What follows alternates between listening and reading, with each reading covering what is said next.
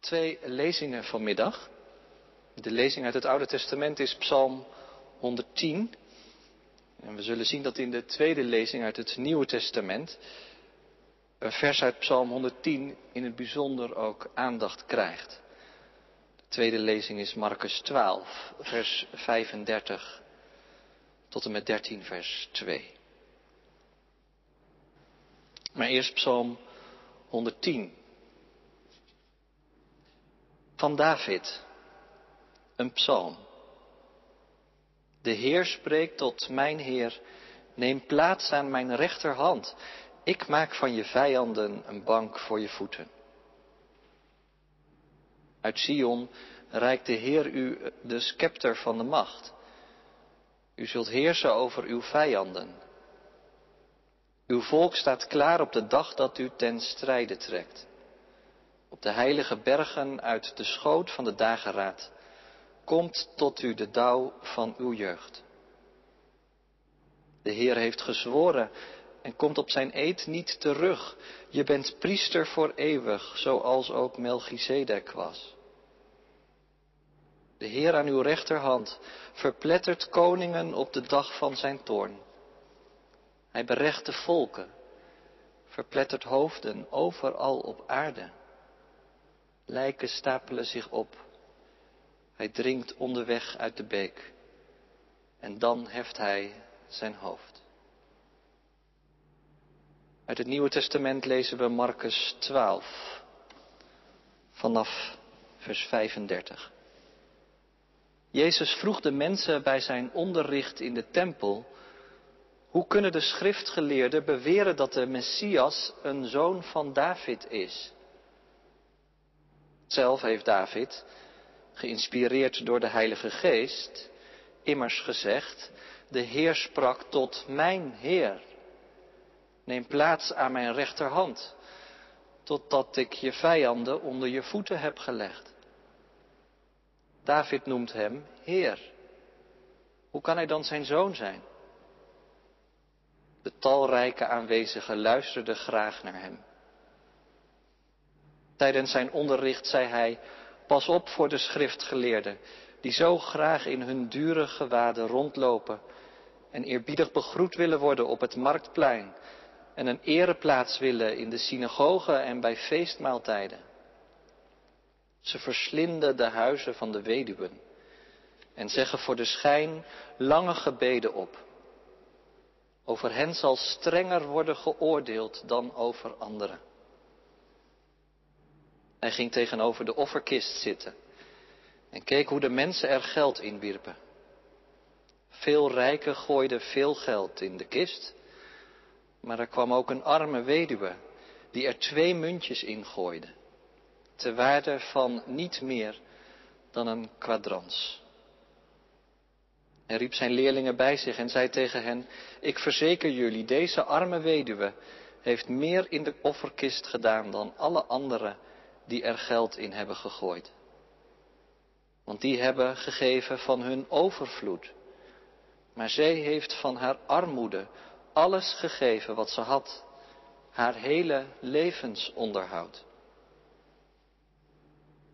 Toen hij de tempel verliet, zei een van zijn leerlingen tegen hem, Meester, kijk eens wat een enorme stenen en wat een imposante gebouwen.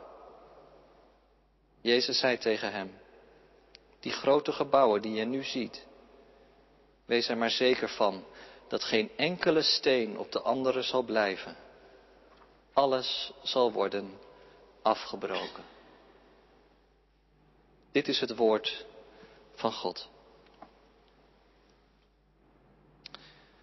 Daar gaan we over nadenken zometeen. Over die fragmenten die we lazen uit het Marcus-evangelie. Maar daarbij lezen we ook nog een stukje uit de Heidelbergse Catechismus, vraag en antwoord 31. Daar lezen we dit. Waarom wordt Jezus Christus de gezalfde genoemd? Of waarom wordt Jezus de Christus, dat is de gezalfde genoemd? Christus is dan ook nog eens het Griekse woord voor Messias. Waarom wordt Jezus de Christus genoemd? En het antwoord luidt dan, hij is door God de Vader voorbestemd en met de Heilige Geest gezalfd tot onze hoogste profeet en leraar, onze enige hoge priester en onze eeuwige koning. Als profeet heeft hij het verborgen reddingsplan van God aan ons bekendgemaakt. Als hoge priester heeft hij ons verlost door zichzelf te offeren en pleit hij voor ons met zijn voorbeden bij de Vader. En als koning regeert hij ons door middel van zijn woord en geest. Hij beschermt ons en zorgt er ook voor dat wij de verlossing niet verliezen die door hem verdiend is. Gemeente van Christus, broeders en zusters hier in de kerk en thuis met ons verbonden. Vanochtend ging het hier in de kerk over de rijke jongeling. Misschien heb je die dienst wel meegemaakt, meegekeken. Vanmiddag zien we iemand die daar eigenlijk bijna het spiegelbeeld van is. Namelijk een arme en waarschijnlijk wel een oude weduwe. Zo brengt Marcus in zijn evangelie steeds weer nieuwe mensen op het toneel. Heel gewone mensen, maar ze hebben ons wel steeds iets te vertellen. Zo ook deze weduwe. Kijk haar lopen over het buitenste plein bij de tempel van Jeruzalem. En ze valt inderdaad op omdat ze zo arm is. Dat zie je meteen aan haar kleding. Ze valt in het niet bij de weelde om haar heen. Bij de prachtige architectuur van het tempelcomplex. Bij de schriftgeleerden in hun dure gewaden. En bij de vele rijken en notabelen die misschien wel speciaal naar dit plein zijn gekomen om te laten zien dat zij het hart op de juiste plek hebben. Op dit plein staan namelijk dertien zogenaamde trompetkisten. Zo genoemd vanwege hun wonderlijke vorm. In de vorm van een orchidee zou je kunnen zeggen. En je kunt er met veel omhaal wat geld in werpen. Zodat iedereen het kan zien. Volgens sommige uitleggers was het een soort toeristische attractie geworden. En zo zit Jezus er ook met zijn leerlingen. En zien ze die vrouw aankomen. Nou ja, zij heeft natuurlijk niet zoveel te brengen. Twee muntjes gooit ze in de kist, ter waarde van een duit. In het Griek staat er ter waarde van één kadrans. Dat is de munt in het Romeinse geldstelsel met de minste waarde. Een cent. Niet meer dan dat. En toch, toch spreekt Jezus heel positief over deze vrouw. Hij roept de leerlingen bij zich en hij zegt tegen hen, ik verzeker jullie dat deze arme weduwe meer in die offerkist heeft gedaan dan al die anderen, want zij hebben gegeven uit hun teveel, uit hun overvloed. Maar zij heeft gegeven uit haar tekort. Eigenlijk heeft ze alles gegeven wat ze had. Haar hele levensonderhoud staat er. Dus het is maar de vraag of ze vanavond nog iets te eten heeft. Nou ja, wat een contrast, hè? Met die rijke jongeling van vanochtend, die alles moest verkopen wat hij had. Volgens mij brengt het een vreemde wet aan het licht. Een vreemde wet die steeds weer in het evangelie klinkt, namelijk dat in Gods koninkrijk de dingen radicaal op zijn kop worden gezet. Daar is arm rijk en rijk arm. Daar zijn de laatste de eerste en de eerste de laatste. En vanmiddag zien we dan dat Marcus die kleine episode te midden van een paar andere fragmenten heeft geplaatst. En dat doet hij eigenlijk nooit voor niets. In het eerste gedeelte dat we lazen gaat het over de Messias. Wat is dat nou voor iemand? En de vraag vanmiddag is, zou het kunnen zijn dat juist die arme weduwe iets laat zien van wie Christus is? Zo'n wereld op zijn kop. Past dat nou niet bij uitstek bij de wereld van de gezalfde? Nou ja, het gedeelte dat we lazen begint in ieder geval inderdaad met die vraag naar de Messias. Beter gezegd met een vraag naar de identiteit van de Messias. Het is eigenlijk een raadsel. Wat Jezus aan zijn leerlingen voorlegt. En dat raadsel dat luidt als volgt. Hoe kunnen de schriftgeleerden toch beweren dat de Messias de zoon van David is, terwijl ze toch zouden moeten weten dat de Messias in Psalm 110 de Heer van David wordt genoemd? Probeer even te begrijpen waar het hier over gaat. Heel kort komt het eigenlijk hierop neer. Iemand kan toch niet tegelijkertijd de mindere van een ander zijn, namelijk zijn afstammeling, en ook zijn meerdere, namelijk zijn Heer. Stel je voor, dat zou een machtsgreep betekenen. Als de kroonprins de macht van de koning grijpt. En de koning van de troon wil afstoten. Nou ja, als dat zo is, waarom noemen de schriftgeleerden de Messias dan toch steeds de zoon van David?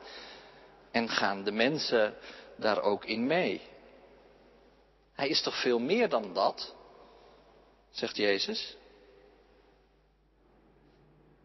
Nou, dat lijkt wat raadselachtig. Maar eigenlijk zijn we met die vraag van Jezus aan zijn leerlingen echt bij een heel belangrijk thema beland waar het in het Marcus-evangelie steeds weer over gaat. Ik hoop dat je dat patroon ook een beetje ziet als je deze serie preken terughoort. Je kunt dat evangelie inderdaad lezen als een relaas van wat Jezus allemaal heeft gedaan. Maar Marcus wil ons meer vertellen. Hij wil ons laten weten wie Jezus ten diepste is. En dat is in hoofdstuk 8, een paar hoofdstukken eerder, dan ook uitgelopen op een echt kernfragment in het Marcus-evangelie. In hoofdstuk 8, vers 29 komt namelijk het hoge woord eruit. Jezus vraagt aan zijn leerlingen, en wie denken jullie nu eigenlijk dat ik ben? En dan zegt Petrus, na alles wat hij gezien en gehoord heeft, ik denk eigenlijk namens alle leerlingen, het volgende antwoord. U bent de Messias. Dan zegt Jezus dat ze dat aan niemand moeten vertellen. Dat is wel interessant in het Marcus-evangelie. De identiteit van Jezus, namelijk dat hij de Messias is, wordt nog heel vaak verhuld. En toch is er in het evangelie ook steeds sprake van onthulling. Het lijkt wel alsof steeds meer mensen de lang beloofde Messias inderdaad in Jezus herkennen. En zo staan de verhulling en de onthulling in dit Bijbelboek eigenlijk voortdurend in een geweldige spanning met elkaar. Jezus wordt door Bartimaeus de zoon van David genoemd. En bij de intocht in Jeruzalem klinkt het uit honderden monden. Gezegend hij die komt in de naam van de Heer. Gezegend het komende koninkrijk van onze vader David. En trouwens, Jezus gedraagt zich ook regelmatig als de Messias. Als iemand met gezag, als iemand die torenhoog uitstijgt boven de priesters en de schriftgeleerden en de oudsten. Ik kan me voorstellen dat er mensen waren in die tijd die dachten, wie denkt hij wel niet dat hij is? Maar anderen zullen steeds meer onder de indruk zijn geraakt. Inderdaad, dit is de Messias, de zoon van David. En om de een of andere reden acht Jezus het dan noodzakelijk om die gedachte wat bij te stellen. Kijk, Eén ding was wel zeker in die tijd. Dat de Messias een zoon van David zou zijn. Dat stond voor iedereen vast. En men had daar ook wel een bepaald beeld bij. Daar kwam een hele wereld in mee. De Messias, dat zou een koning worden. Een koning in de koninklijke lijn van David. Iemand die de troon in Jeruzalem zou bestijgen om een wereldse regering te stichten, de Romeinen te verdrijven en van Jeruzalem weer de hoofdstad te maken van een sterk en autonoom rijk. Maar dat beeld, dat hele wereldse beeld van de Messias, dat wordt nu door Jezus aan het wankelen gebracht. Dat doet hij hier en dat doet hij elders ook wel. En dat doet hij omdat we dat af en toe nodig hebben, denk ik. Dat we dat beeld dat we hebben van God en van zijn plan en van zijn koninkrijk weer even op scherp moeten zetten. Kijk, Jezus is er niet op uit om dat beeld helemaal te ondermijnen. Alsof de Messias ook wel de zoon van wie dan ook zou kunnen zijn. Nee, hij wil dat beeld verdiepen. Je zou ook kunnen zeggen, Jezus wil zijn leerlingen uitdagen om verder te kijken en open te staan voor datgene wat God gaat doen. Jullie verwachten de Messias en dat is mooi. En in ons geval, jullie zijn in afwachting van Gods nieuwe koninkrijk en dat is bijzonder. Maar welke Messias, welk koninkrijk van God verwachten jullie dan eigenlijk? Weet je wel dat de Messias nog veel grotere dingen zal doen dan wij ons ooit kunnen indenken? Want hij is niet alleen de zoon van mensen, maar hij is de Heer. De Heer van hemel en aarde. En om dat dan duidelijk te maken, citeert Jezus in dit gedeelte Psalm 110. Hij gaat ervan uit dat deze psalm door David zelf is geschreven. En inderdaad, in het eerste vers verwijst David naar iemand die hij mijn Heer noemt. Dat moet dus wel iemand zijn die niet Davids mindere, maar zijn meerdere is. Dat moet dus wel de Messias zijn. En zo betrekt Jezus die woorden eigenlijk op zichzelf. Hij is de Messias die met koninklijk gezag naar Jeruzalem en de tempel komt om het ware koninkrijk te stichten. Trouwens, straks zal Jezus deze psalm nogmaals citeren. Als hij gevangen genomen is en terecht staat voor de hoge priester Caiaphas, dan wordt eigenlijk alles op scherp gezet. Als uiteindelijk zelfs de hoge priester het op de man afvraagt, ben jij inderdaad de Messias? En Jezus zal zeggen, inderdaad, dat ben ik. En u zult de mensenzoon aan de rechterhand van de machtige zien zitten en hem zien komen op de wolken van de hemel. Dat is Psalm 110. Nogmaals. Weet je, die religieuze elite in Jeruzalem die denkt dat ze heel wat is. Dat wordt ook wel duidelijk uit het stuk dat we lazen. Ze lopen in lange, dure gewaden rond. Ze willen eerbiedig begroet worden op de markten. Ze zitten vooraan in de samenkomsten. En ze liggen vooraan bij de maaltijden. Maar de Messias herkennen ze niet. Als God mens geworden is en zich aan ons toont, dan zijn het misschien wel de schriftgeleerden die er het minste oog voor hebben. En als de hoge priester Caiaphas deze claim straks zal horen, dan zal hij zijn kleren scheuren en zeggen, waarvoor hebben we nog getuigen nodig op deze grove godslastering? Kan maar één straf staan, de dood. En dan zijn we eigenlijk wel bij de kern van de zaak aangekomen.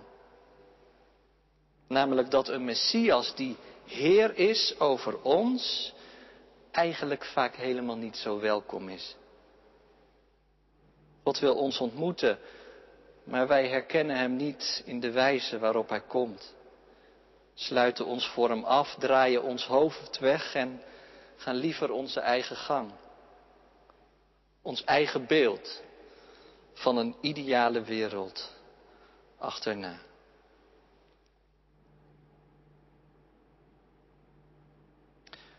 En op dat punt in de preek zou ik eigenlijk even de beweging naar de Heidelbergse catechismus willen maken. Want kijk, ook in de kerk hebben wij zo ons beeld van wie de Christus is, toch? Christus, dat is de Griekse vertaling van het woord Messias. De Christus, dat is de titel die in onze geloofsbeleidenis aan Jezus wordt meegegeven. Wat die schriftgeleerden toen niet zagen, dat zien wij wel. Toch? Namelijk dat deze mensenzoon inderdaad de gezalfde van God is. En dat zijn weg naar de verlossing via lijden, kruis en opstanding zou lopen. Waardoor er een dikke streep gezet werd onder de claim dat we hier met God zelf te maken hebben gehad. Maar nu de vraag. Herkennen en erkennen wij Hem vandaag nog steeds als zodanig? Gewoon in ons dagelijks leven. Wat zou dat kunnen betekenen voor ons persoonlijk leven? Wat gaat er veranderen als je hem ziet als profeet, als priester en als koning? Want dat is eigenlijk de drieslag die de Heidelbergse catechismus maakt. Op een heel systematische manier zou je kunnen zeggen, wordt op een rij gezet wat het nu allemaal betekent dat Jezus de Christus is. Dat betekent dat hij door God zelf is voorbestemd en met de Heilige Geest is gezalfd tot onze hoogste profeet en leraar, onze enige hoge priester en onze enige koning. En dat werkt de catechismus dan stap voor stap uit. Wie werden er in het Oude Testament allemaal gezalfd? Nou, dat waren inderdaad de profeten, de priesters en de koningen. En zo geldt dat ook voor de gezalfden van God. En als profeet heeft Christus dan het verborgen reddingsplan van God aan ons bekendgemaakt. Als hoge priester heeft hij ons verlost door zichzelf te offeren en pleit hij voor ons met zijn voorbeden bij de Vader. En als koning regeert hij ons door middel van zijn woord en zijn geest. Beschermt hij ons. Zorgt ervoor dat wij de verlossing niet verliezen die door hem is verdiend. Ik weet het, dat is een heleboel informatie in een paar zinnen. Daarom tref je die woorden ook aan in de liturgie. Ik zou zeggen, lees het thuis nog eens door. Laat ze eens op je inwerken. En probeer te bedenken wat die woorden voor jou zouden kunnen betekenen op dit moment in je leven. Het zou maar kunnen dat het heel bekende woorden voor je zijn. Probeer ze dan eens opnieuw te taxeren, opnieuw te proeven. En zeg eens eerlijk tegen jezelf en tegen God, kun je hier eigenlijk nog wat mee? Kun je hier eigenlijk inkomen? Wat vind je er eigenlijk van? Zijn ze je tot troost? Of vind je het een wereld op zijn kop? Dat kan ook. Ten diepste een schandaal. Veel te revolutionair. Verborgen reddingsplan. In ieder geval hoop ik dat je al lezend en biddend gaat zien dat de catechismus het allemaal heel persoonlijk maakt. Die geloofsleer die moet niet iets abstract zijn. Iets op een afstand. Iets wat vooral interessant is voor schriftgeleerden onder ons. Nee, dit gaat over jou en over mij. Jezus erkennen als de Messias. Dat betekent dat je erkent dat deze wereld inderdaad een reddingsplan nodig heeft. Dat we er zelf en met elkaar gewoon niet uitkomen. Dat we zonder deze gezalfde reddeloos verloren zijn. En dat we iemand nodig hebben die voor ons bidt bij de Vader, omdat we daar zelf zo vaak in tekort schieten.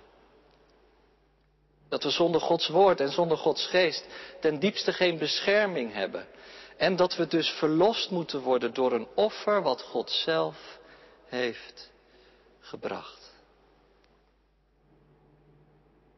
En weet je, dan zijn we eigenlijk terug bij die weduwe uit het begin.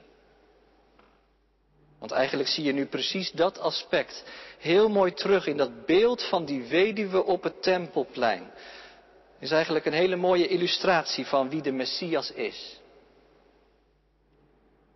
Er zijn op dat plein allerlei mensen die het zich kunnen veroorloven om veel aan de schatkist te geven. Maar het is uit hun te veel. En ze houden nog heel veel over. Maar er is ook die ene arme weduwe, die uit haar tekort slechts twee muntjes geeft, haar hele levensonderhoud, die haar hele leven deelt. Haar offer was totaal. Tom Wright verbindt dat beeld met Jezus zelf. Vrijwel niemand herkende in hem de Messias. Sommigen wel, maar de meesten niet. En toch was dit God zelf op aarde. Ga maar na. God zelf die zijn heerlijkheid aflegt. Niet ver weg in de hemel blijft, maar mens wordt. Dat is inderdaad dat verborgen reddingsplan waar de catechismus over spreekt. Davids Heer wordt Davids zoon.